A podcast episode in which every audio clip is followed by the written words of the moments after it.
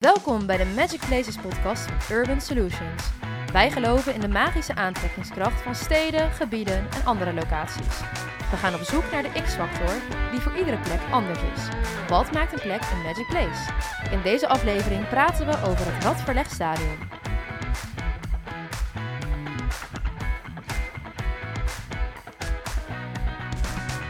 Ja, bij mij staat Tristan Melissen. Ja, hallo. Hallo, naast mijn collega ook een eh, trouwe NAC-supporter, Ja, toch? Ja, zeker. Dat klopt. Helemaal. Want we gaan het hebben over het Radverlegstadion. Ja, klopt. Ja. Ik kende dat eigenlijk niet. Ik moet zeggen, jij zei ik wil het hebben over het Radverlegstadion. Toen dacht ik, wat is dat? Maar blijkbaar is dat dus het stadion van NAC. ja, het wordt in de volksmond ook wel vaak NAC-stadion genoemd, Ja. inderdaad. Maar de supporters van NAC zeggen toch wel vaak ook Radverlegstadion, omdat ze trots zijn op Radverleg. Eigenlijk Antoon Radverleg heet hij. Ja. En zijn bijnaam was Rad. Eh, ja, eigenlijk eh, was hij trainer, speler en bestuurslid bij NAC. Het is best wel een grootheid. En hij is ook kampioen geworden met NAC in een heel ver verleden. Dat hebben we het echt over meer dan 100 jaar geleden. Oh, echt zo ja. lang geleden? Ja. Maar wel een keer kampioen geworden dus, door hem. Is NAC maar één keer kampioen geworden in de hele geschiedenis? In de eredivisie wel. Eredivisie, ja. Ja, ja, ja, oké. In de Jupiler League zullen ze vast ook een Nou, keer één keer ook maar één keer in niet? de ja, divisiedagen. Ja. Oh, oké. Ehm, maar goed, jij bent dus ehm NAC-supporter. Jij komt ook oorspronkelijk toch uit Breda, Ja, toch? ja, het is eigenlijk een heel klassiek verhaal. Ik ben geboren in Breda en mijn vader heeft me letterlijk aan de hand meegenomen naar Ja. het stadion. En dat hoor je eigenlijk heel veel van voetbalsupporters. Hè? Dat ze meegenomen worden door een vader, vaak misschien ook wel moeder. En dat je daardoor meteen een soort van verliefd wordt op de club. Hè? De Ja. eerste moment dat je in een stadion komt, dat je meteen alles meemaakt qua publiek en het voetbal en de Ja. sfeer. Dat je dan meteen eigenlijk denkt, ja, dit, is- dit is het gewoon voor mij. En dat gevoel had ik dus ook op mijn, ja, toen was ik denk ik zes, zeven jaar oud. Zo oud was je toen je voor het eerst meeging. Ja. En jouw vader is dus ook echt NAC-supporter. Ja, sterker nog, mijn vader heeft zelfs nog bij NAC gevoetbald. Wel bij de amateurtak Mhm. daarvan. Maar Ja. die, eh, die was ook fanatiek NAC-supporter. Ja, zeker weten. Ja, Wat leuk, hè? Dus het gaat eigenlijk eh, van generatie op generatie. Ja, ja klopt. Ja. Maar heb je dan een eh, seizoenskaart? Of ga je af en toe gewoon een wedstrijdje? Nou, het begon eigenlijk zo dat ik dus met mijn vader en mijn broer ging. Dat we gewoon losse kaartjes Ja. kochten, zeg maar, toen ik nog jong was. En op een gegeven moment ging ik met wat vrienden naar een andere tribune, de B-side, staan. Is dat echt eh, de rel-tribune? nou, dat is wel het fanatiekere, Ja, of oké. een van de fanatiekere vakken inderdaad. En toen heb ik inderdaad wel een seizoenskaart genomen met vrienden om daar ook, of om de twee weken dan naar een thuiswedstrijd Ja. te gaan. Leuk hoor. En je hebt dus nu nog steeds een seizoenskaart. Ja, ik zit inmiddels wel weer op een andere tribune. ehm, maar wel ook nog deels met dezelfde vrienden. Dus dat is Oh, ook, ja, leuk, ja. Ik, ik ga dus echt al 15, 16 jaar met dezelfde vrienden eigenlijk naar NAC toe. Wat ja. leuk. Dus het is voor jou ook, eh, naast dat je voetbal leuk vindt om naar te kijken, is het ook echt een sociale gelegenheid. Ja, dat is het zeker. Eh, het avondje NAC is landelijk denk ik wel bekend onder voetbalsupporters in ieder geval. En dat is, dat is best wel een fenomeen. Ik ben natuurlijk niet helemaal objectief. Maar het is wel eh, een, een sociale gelegenheid met, met veel sfeer. Eh, ja, je, je ontmoet mensen die je eigenlijk dan inderdaad één keer in de twee weken ziet. Dus het is Mhm. wel veel meer dan alleen dat voetbalspelletje natuurlijk. Wat je te zien krijgt. Het is eigenlijk misschien wel een heel groot café of zo wat daar staat. Waar je iedereen tegenkomt. Maar een avondje NAC, dat is mij... Ik ben wel een beetje voetbalsupporter, maar natuurlijk niet eh, de doorsnee voetbalsupporter. Ik kijk af en toe naar Feyenoord, maar... Ja. Eh, vertel Kun even. je ook niks aan doen. Nee, dat klopt. Ehm, nou ja, het avondje NAC is eigenlijk begonnen volgens mij in de jaren 70. Er waren heel veel voetbalverenigingen die voetballen altijd op zondagmiddag. Ja. Overdag in het licht dus. En NAC was eigenlijk een van de eerste clubs, volgens mij zelfs de allereerste club die met li- lichtmasten ging voetballen. Dus die kochten lichtmasten op uit het Mhm. buitenland. Waardoor je dus ook s'avonds kon voetballen. Dat was best wel uniek toen in Nederland. Ehm, en daardoor ontstond eigenlijk het avondje NAC. Dus dat werd echt een, ja, begrip. een be- echt een begrip. En is het nog steeds een begrip eigenlijk in Nederland. Ja, precies. Maar voetbal NAC dan op vrijdagavond? Ja, sinds de, in de eerste divisie spelen wel. Eh, in de eredivisie is vaak zaterdag. En dat Ja. was ook eigenlijk waar het avondje NAC ontstond. NAC was dus ook een van de eerste teams die zei... ja, wij willen eigenlijk altijd op zaterdag om half acht voetballen. Eh, want ja, dat, dan kunnen mensen naar de, voetbal, of naar de voetbalwedstrijd toe... en daarna lekker naar de stad. Dus het is een soort van begin van je, van je weekend ook een beetje, zeg maar. Dus het is inderdaad wel in Breda een sociaal begrip geworden daardoor. Ja, het is misschien ook wel een beetje die Brabanders die dan denken van... We, gaan, we maken er gewoon iets gezelligs van. Nou ja, ja, ik denk dat je dat goed zegt. Ja, er zit heel veel relativerend vermogen bij de NAC-supporters. Eh, Ja. Ze winnen niet heel veel, maar het is altijd gezellig. Ook al Ja. verliezen ze, je drinkt nog steeds een biertje achteraf. Ehm, tuurlijk is het leuker als ze winnen, dan is de sfeer misschien iets beter. Maar ja, dit gaat inderdaad ook heel erg om dat ja, eh, sociale Ja. gevoel. eh, met z'n allen bij een wedstrijd aanwezig zijn. En dat is misschien ook het nadeel. Als ze dat niet zouden hebben, zouden ze misschien ook wat beter presteren. Dus het is ook al altijd een beetje makkelijk om het af te schuipen. We hebben het toch heel gezellig. Ja, Maar ehm, ja, het is in ieder geval meer dan voetbal. Ja. gaaf hoor. Het klinkt in ieder geval, ik ben nog nooit geweest, maar het klinkt als een hele leuke club. Nou ja, moet je een keer meegaan. Ja, wie weet. Maar het, het, het Radverlegstadion is dus voor jou een magic place. Nou, ik ben er dus nog nooit geweest. Kan je eens mij meenemen in hoe dat dan gaat? Als je daar aankomt, wat is de sfeer? Is het groot? Is het klein? Is het, waar, waar staat het? Ja, ehm, nou, dan moeten we eigenlijk ook een beetje terug in de geschiedenis. Uh, NAC speelde eigenlijk in een stadion dicht bij de stad. Ja. Eh, en dat was een, ja, een relatief klein stadion, ehm, waar dus dat avondje NAC eigenlijk begon. Op een gegeven moment zijn ze verhuisd, dat was eh, midden jaren negentig, naar het eh, huidige Radverlegstadion dus. Mhm. Iets verder buiten de stad. Dus het was ook even wennen toen de supporters daarheen moesten om dat, we, om dat gevoel weer op te Ja. pakken. Maar inmiddels eh, hebben de supporters wel die plek om, om- omarmd, net zoals ik eigenlijk. Dus eh, er is een soort voorplein, het, het café, café Beatrix heet dat. Dat is de, de Bea noemen ze dat in, de, in Ja. Breda. En daar ontmoet ik dan vaak mijn vrienden vooraf. Hè. Dus dan drink ik al een biertje en dan Ja. praat je even wat bij. Van, wat is er in de week gebeurd? Wat verwachten van de wedstrijd? Dat soort dingen. Ja, en dan zie je dus eigenlijk al die mensen één voor één die verschillende tribunes opgaan. Ehm, ja, en, wa- en wat bij NAC heel mooi is, vind ik, een van de mooie dingen, is dat je eigenlijk een soort van drie fanatieke gedeeltes hebt. Ja, Dus je hebt de B-side vak G en eh, vak F7 waar ik dan zit, die laatste. En dat zijn eigenlijk allemaal wel fanatieke vakken, terwijl je vaak bij heel veel clubs hebt dat je één echt fanatiek vak hebt waar Ja. beetje het meeste geluid vandaan komt. Dus bij NAC eigenlijk bijna helemaal overal verspreid, zeg maar. Dus Mhm. dus, dus dat vind ik heel bijzonder.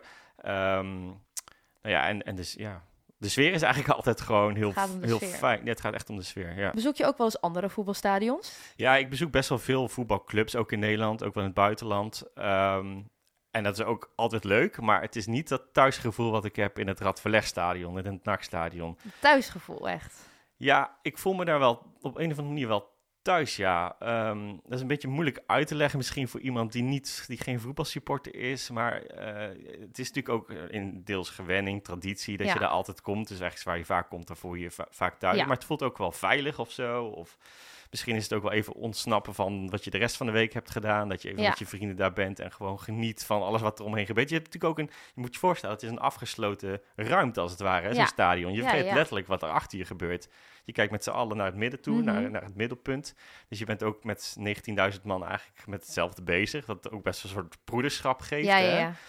Eh, en dat maakt het eigenlijk natuurlijk vooral heel magisch. Dat je even niet bezig bent met wat er allemaal om je heen gebeurt. Maar alleen gefocust op dat middelpunt waar, dat, waar die voetbalwedstrijd gespeeld wordt met nou, bijna 20.000 man. Ja, ik vind het toch wel zo interessant ook hoe dat nou werkt. Weet je wel, dat je dus zo eh, fan bent van de club. En dat jij zegt, ik voel me gewoon thuis. Kijk, ik voel me ook thuis in de Kuip. Maar Ja. ik ben daar... Nou, hoe vaak ben ik daar geweest? Dat is echt op twee handen te tellen. Dat is, ik ben helemaal niet een hele trouwe supporter die er heel vaak heen gaat. Maar toch heb je een bepaald gevoel. Inderdaad, dat broederschap of zo, dat, dat, Ja. dat is toch heel bepalend of zo voor zo'n voetbalstadion. Ja, clubliefde is best wel iets bijzonders, iets speciaals. Hè? Wat je ook moeilijk kan uitleggen aan Ja. mensen die niet van voetbal houden. Je komt er op een bepaalde manier ook niet van af. Ik bedoel, eigenlijk denk ik ook wel eens na een wedstrijd dat ze weer eens verloren hebben of dat het heel slecht gaat. Van ja, Mhm. ik, ik kap ermee of zo. Ik heb geen zin meer om er helemaal heen te gaan elke keer. Maar de dag daarna denk je, ja, dat kan niet. Want ik ben gewoon, die club Je is bent gewoon voor die de club. club is onderdeel van mijn identiteit. Dus ik ben er volgende week ook weer, hoe slecht het ook gaat. En die onvoorwaardelijke liefde is, ja, is eigenlijk heel moeilijk te omschrijven. En eh, ook best wel een beetje apart als je denkt van... ja, Ja. het gaat, gaat om voetbal. Waar gaat het eigenlijk over als je rationeel aan nadenkt? Maar toch, het gevoel is te groot om het los te laten. Om het niet te volgen. Als ik ergens ben en NAC speel, dan ga ik ook op mijn telefoon even kijken... als ik er niet bij kan zijn, wat de tussenstand is. Het is dat volgen, bijna een soort evangelische ervaring is het misschien wel. Daar kun je Ja. misschien wel een beetje mee vergelijken. Dat, dat volgzame, dat is, ja, dat gaat best wel ver. Ja, maar het is misschien ook wel dat gevoel van ergens echt bij horen. En jij deelt dat gevoel natuurlijk met je vrienden, waar je al heel lang mee naar deze wedstrijden gaat. En, en die broederschap, je wil daar ook misschien wel juist onderdeel van uitmaken. Ja, ik denk dat je dat goed zegt. Ja, dat onderdeel uitmaken van een, van een club, van een geheel, dat is natuurlijk wel Ja. iets, iets wat heel fijn voelt of zo. Ja. En dat het ook best wel lekker is om soms af te geven op een tegenstander waar je dus niet onderdeel van bent. Ja, En dat heeft natuurlijk... eh, gemeenschappelijke haat. Ja, Dat- haat ja, dus dat ja. is ook wel een beetje gevaarlijk. Maar ik bedoel, eh, het het heeft natuurlijk grenzen tot geweld. Dat is natuurlijk nooit goed, wat je wel Nee, ziet. in bijvoorbeeld, nee, maar nee, het is wel lekker om je af te geven of om, om iets te steunen. En Ja. ja, dus ja, dat is, dat is wel heel fijn. Ja, fijn gevoel.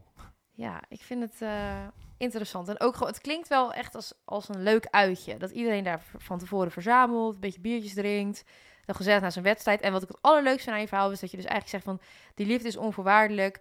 We weten gewoon dat NAC niet super vaak wint, maar dat is helemaal oké.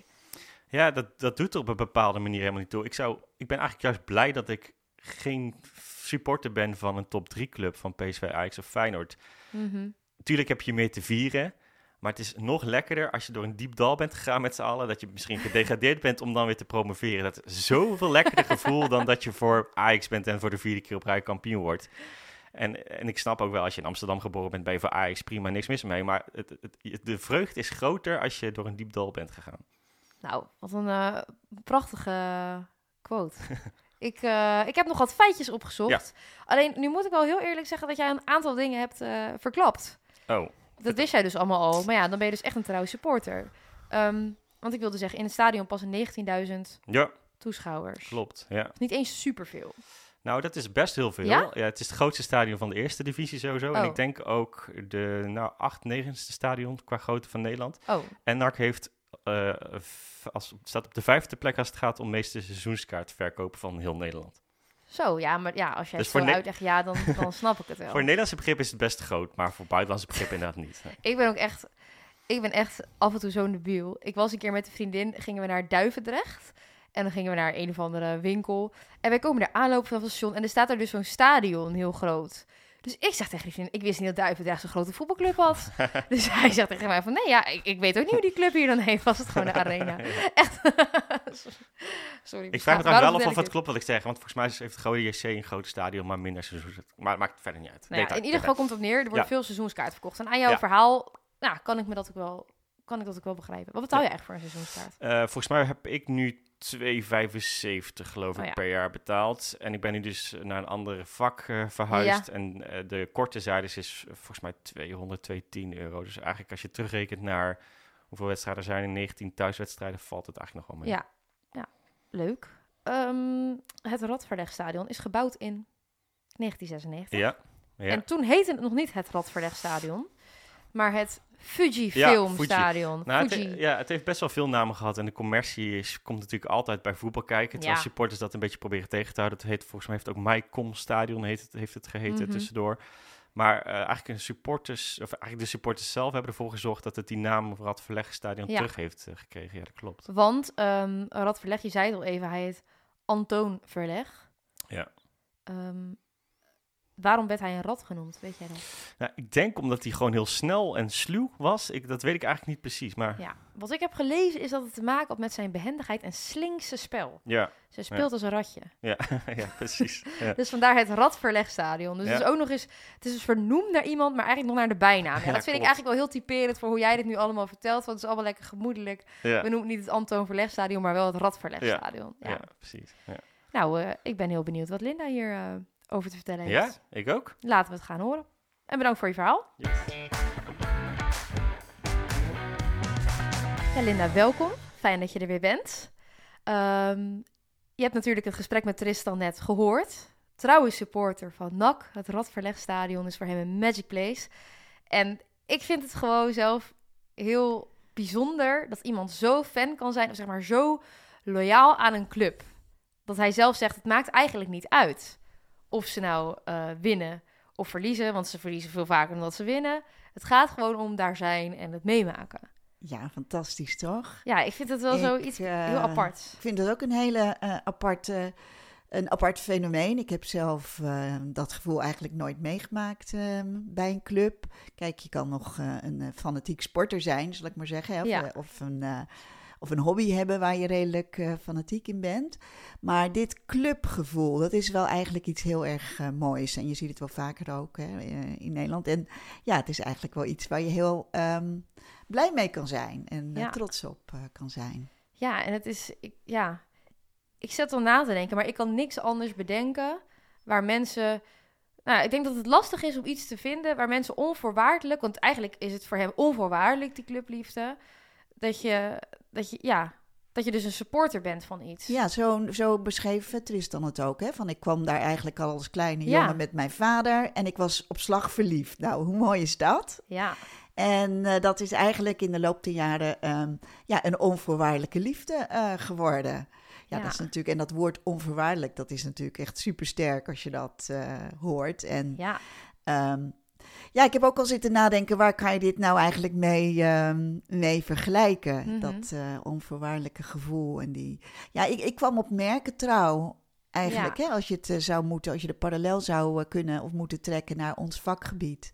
Dan komt brand loyalty, of op zijn Nederlands gewoon Ja. merkentrouw, daar eigenlijk wel heel dichtbij. Er zijn natuurlijk, ja, mensen zijn fan van een bepaald merk. ja.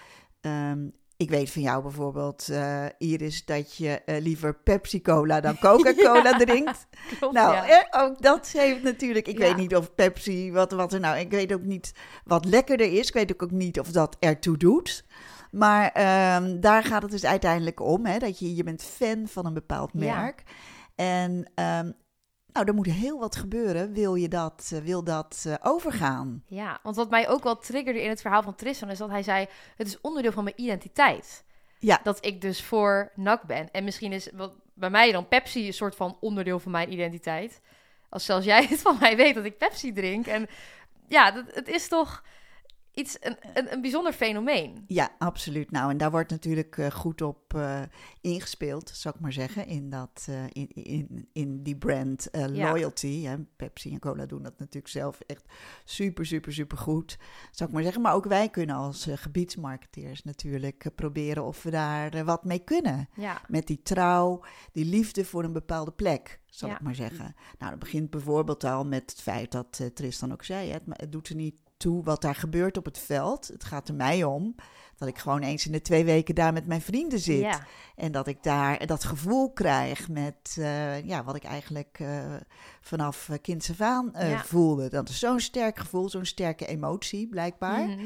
die voor hem maakt dat dat ja, een van zijn magische plekken is. Nou, misschien Ja. wel de meest magische plek eh, voor hem. ja, En ehm, nou ja, dat, dat doet mij dan weer een beetje denken. Nou goed, de, de parallel is niet altijd te, te trekken. Maar als je dan kijkt naar wat er op het ogenblik gebeurt in eh, gebiedsmarketing Mhm.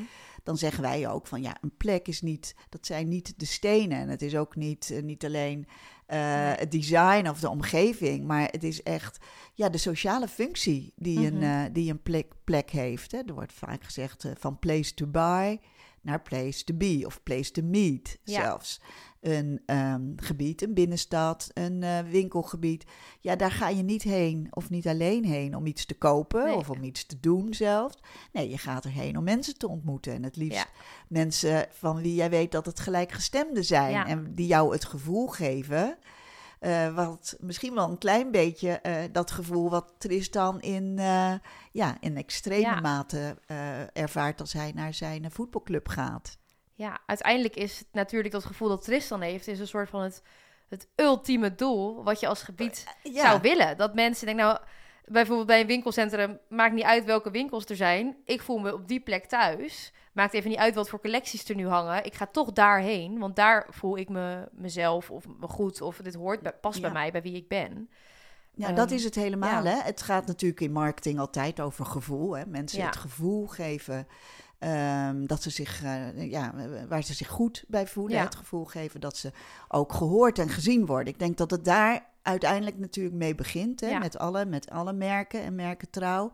Heel goed kijken naar wie je klant is of wie je consument is. Ja. En kijken wat, wat die belangrijk vindt. En dan zorgen dat je dat ook, nou ja, tot in extremo haast eh, probeert ehm, voor elkaar eh, te krijgen. Want ik Ja. denk dat dat ook een van de belangrijkste dingen is in merkentrouw. Dat is consistentie. Mhm. En daar bedoel ik mee ehm, die 9-plus ervaring. Ik weet niet of we daar, hè, we hebben het daar in het team wel eens over. Ja, Als je echt mensen eh, fan wil maken van jouw merk of van jouw bedrijf of Mhm. van jouw gebied, dan is gewoon doen wat je moet doen niet voldoende. Nee. Je moet echt zorgen dat je mensen ja, overtreft in hun verwachtingen. Wij noemen dat hè, die 9-plus ervaring. Ja. Is altijd net dat stapje meer doen. Altijd net meer, ehm, ja, meer dat wow-effect Ja. eh, creëren. Nou, als je dat doet, dan ga je mensen voor je winnen. Dan ga je consumenten of bezoekers voor je winnen. En dan ga je er ook voor zorgen dat die mensen jou gaan aanbevelen. Nou, om ervoor te gaan zorgen dat zij jouw gebied gaan aanbevelen, is die 9 plus Ja. ervaring nodig. Pas als mensen je waarderen, dan, eh, zo is dat eh, gebleken of is dat onderzoek eh, gedaan. Als mensen in staat zijn of jou te waarderen met een 9 of meer, dat is het moment waarop mensen ook eh, ja, echt fan worden Ja. en ehm, ja, jou gaan aanbevelen als merk of als gebied of, eh, Mhm. of wat dan ook. Dus die eh, toe, toewerken naar zo'n 9 plus ervaring is super, super, super belangrijk. Ja. En hoe doe jij dat als je daarmee bezig bent? Dat je denkt, hoe, wat, wat maakt voor jou van een 8 een 9 plus, zeg maar? Ja, ehm, nou ja, kijk, nogmaals, wat ik bedoel, wat ik daarmee bedoel te zeggen is, hè, eerst heel goed analyseren van wie is mijn doelgroep. Ja. Voor welk gebied of voor welk eh, merk, welk winkel. Wat is mijn, wie is mijn doelgroep? Ehm, en probeer dat echt goed onder de loep te nemen. Wat vindt, hoe kan ik deze eh, doelgroep blij maken? Ja. Nou, wat eh, wij ook wel eens, hè, dat, ik, ik, ik ga nu een beetje in de theorie, zal ik maar zeggen, maar dat is misschien ook wel Ja, leuk na zo'n heel, eh, zeg maar, ehm, eh, emotioneel verhaal Ja. wat we net eh, gehoord hebben. Maar ik weet niet, ehm, misschien luisteraars wel eens gehoord hebben van Cialdini, Roberto Mhm. Cialdini. Hè, dat is eigenlijk eh, eh, nog steeds eh, de psycholoog op het Ja. gebied van eh, beïnvloeding. Nou, er zijn, die heeft zes of zeven ehm, principes ehm, eh, onderzocht, zal ik maar zeggen, die maken dat mensen trouw worden Ja. en ook vooral trouw blijven. Ja. Ehm, een van die principes is eh, autoriteit. Hè. Mensen vinden het fijn Ja. om te weten van een bepaalde persoon, gebied, merk, wat dan ook. Dat iets ook echt de beste is in zijn of haar vak. Mhm. Ehm, iets anders is schaarste als je weet dat er maar weinig van zijn. Dan ben je geneigd om eh, ja. dat eh, graag te willen. Nou, zo zijn er een aantal andere principes ook. En een andere, een belangrijke principe is ook consistentie. En consistentie betekent, als ik eenmaal fan ben van jou, dan ben ik gewend aan een bepaald gedrag van jou Ja. of een bepaald eh, patroon. En dan moet je dat niet opeens weer gaan omgooien, want dan ja, raak ik Ja. verward. En dan klopt het verhaal niet meer. Nee. Dat zeggen wij wel vaker. We zijn natuurlijk verhalenvertellers als Mhm. eh, marketeers. En we zeggen ook altijd dat verhaal moet kloppen van A tot Z. En ehm, er is heel veel nodig, wat ik net al zei, om als je eenmaal fan bent van een club of van een gebied of van een merk, om dat te niet te doen. Maar dat heeft vooral, dat gebeurt vooral op het moment dat die consistentie er niet meer is. Ja. Dus dat je als gebied of als merk opeens iets heel totaal anders gaat doen, wat niet meer past in die perceptie van, Ja. jou, eh, van jouw doelgroep. Ja, want eigenlijk eh, die merkentrouw, om daar weer even op, op terug te komen, ehm, dat je hebt dat als mens ook gewoon nodig. Want je moet zoveel keuzes maken in je leven, dat je op een gegeven moment ook, ik besluit dan maar, nou, Pepsi is mijn ding. Anders zou ik elke dag, als ik naar de supermarkt ga en ik heb zin in cola, dat ik dan moet nadenken, oh, ga ik dan vandaag voor Co- Coca-Cola of Pepsi? Dus het is ook, je hersenen hebben het ook gewoon nodig om die keuzes gewoon te maken. En het voelt ook heel prettig om aan zo'n keuze vast te houden. Dat geeft Ja. een bepaald gevoel. Net als wat Tristan dan ook zegt van... maakt niet uit wat ze doen. Ik vind het gewoon een lekker gevoel om daarheen te gaan. Ik heb het daar leuk. Dat zit zo in zijn hoofd. Dat, nou, daarmee ja. raak je echt eh, ja, de kern zeg maar, Ja. van, eh, van dit verhaal. Hè. Het is eh, de keuzes maken. Je maakt ze een keer en dan is het heel fijn dat je dat daarna niet weer hoeft te Ja. doen. En ehm, ja, zo werkt het. ja, en daar kan je dus voor zorgen door consistent te blijven. In je communicatie, in alle events hè, die je organiseert, in, ehm, nou eigenlijk in, in, in je hele, de, de inrichting van de omgeving. Mhm. Het moet allemaal kloppen binnen het verhaal wat je wil vertellen. En ehm, nou ja, dat maakt, ehm, ja, wat ons van- vanuit eh, de visie van Urban Solutions eh, eh, gezien, een plek, een magic place. Nou, vind ik een prachtige afsluiter. Mooie one-liner. Dankjewel voor je verhaal, Linda. Graag gedaan. Bedankt voor het luisteren naar deze aflevering van de Magic Places podcast. Over twee weken zijn we weer bij jullie terug met een nieuwe aflevering over het Spaanse dorp Polopos. Voor sommigen van jullie vast bekend van de bekende televisieserie. Wil je meer Magic Places zien? Kijk dan op onze website www.urbansolutions.nl en schrijf je in voor onze nieuwsbrief. Tot dan!